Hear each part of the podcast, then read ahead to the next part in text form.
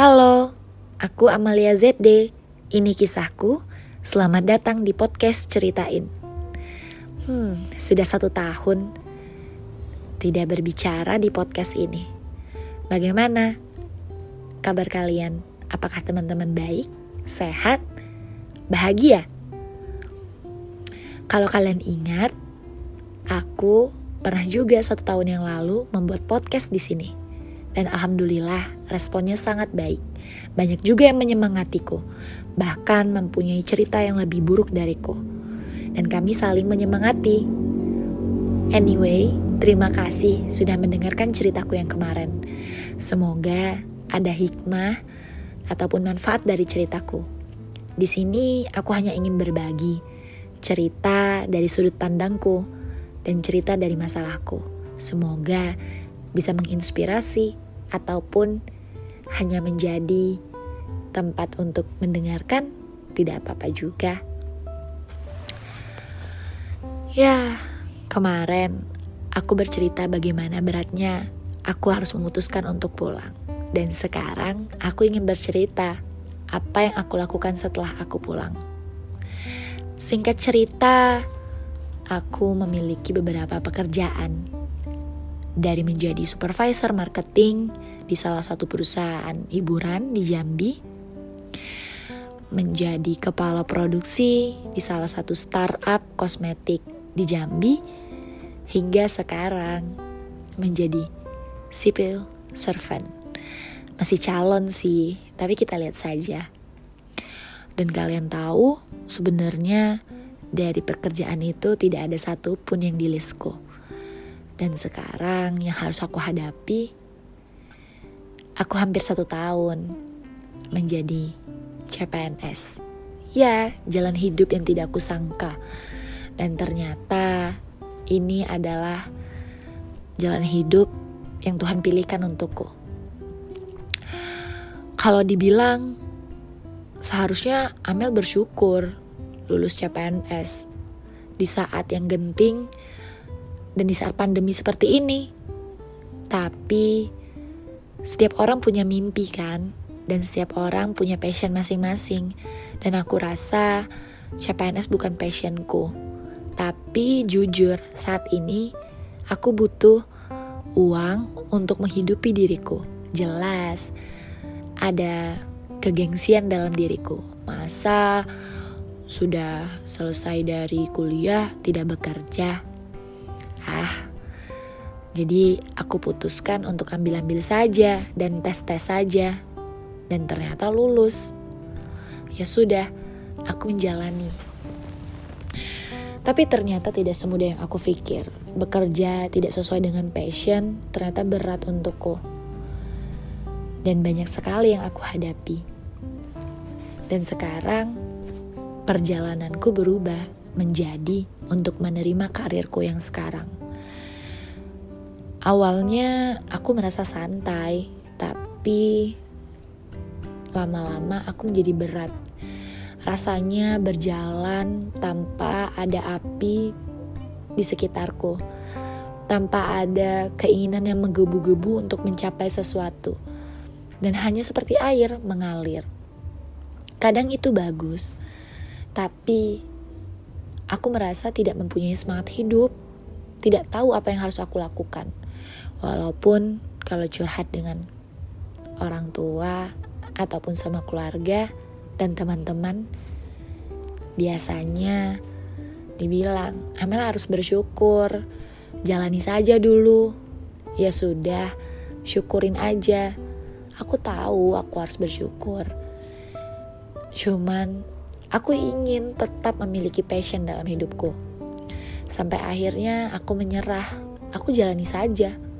Dan ternyata bukan Amel namanya kalau cuma menjalani saja.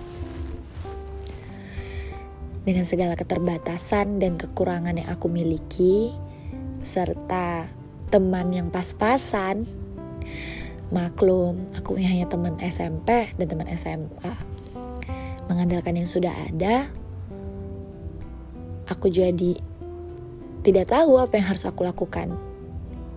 Dan aku ingat, dulu aku suka berjualan, berjualan apa pun. ketika aku kuliah untuk menambah uang jajan. Dan sekarang aku memutuskan untuk berjualan lagi. Walaupun tantangan kali ini dengan pekerjaan utama, aku juga harus membagi waktu dan pikiranku.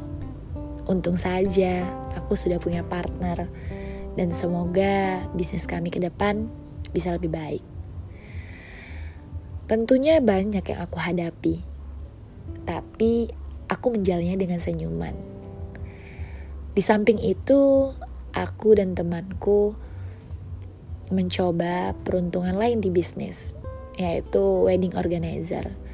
Walaupun kami semua anak rantauan, tapi kami mempunyai semangat yang tinggi dan berbekal kompetensi yang ada dan terus ingin belajar, kami ingin mengembangkan WO kami. Semoga kami bisa bersaing dengan WO yang ada di Jambi. Tapi aku senang belajar dan teman-temanku juga seperti itu. Aku harap dengan dua bisnis yang aku jalani dan apa pun tantangannya ke depan, aku bisa melewatinya. Dan aku ternyata malah bersyukur dengan adanya bisnis ini, aku menjadi semangat lagi. Walaupun ya ada jatuh dan bangun. Ternyata support system yang ada membuatku semakin lebih kuat. Dan akhir-akhir ini aku pun juga bisa menerima pekerjaanku dengan baik. Aku mulai mengetahui apa yang ingin aku raih sebagai PNS.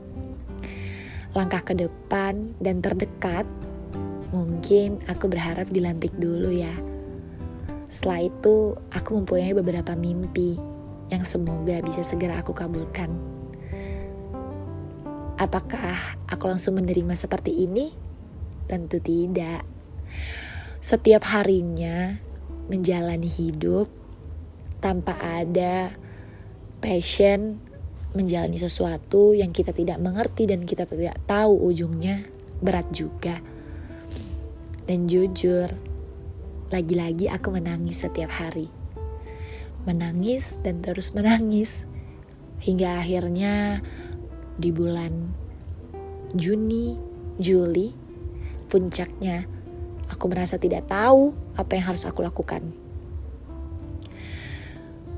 Dan ternyata itu berdampak kepada psikisku. Aku sampai insecure melihat teman-temanku melihat orang lain, dan aku sampai membandingkan diriku. Yang sebenarnya aku tidak pernah melakukan itu. Dan ternyata itu berdampak dengan fisikku.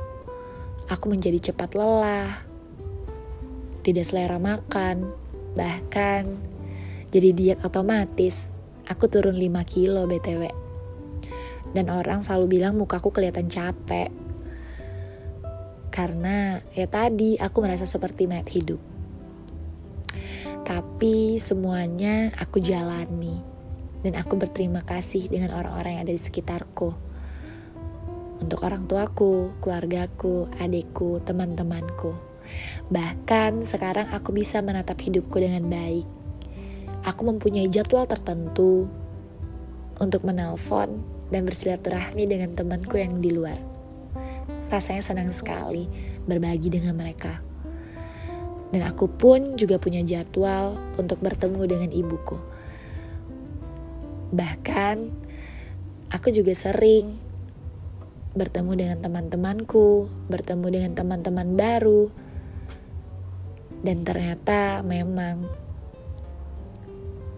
ketika kita sudah menerima sesuatu, bukan berarti kita langsung menerima. Ada proses yang panjang dan terus-menerus sampai akhirnya aku bertemu dengan seseorang yang aku harap dia bisa menjadi salah satu support sistemku.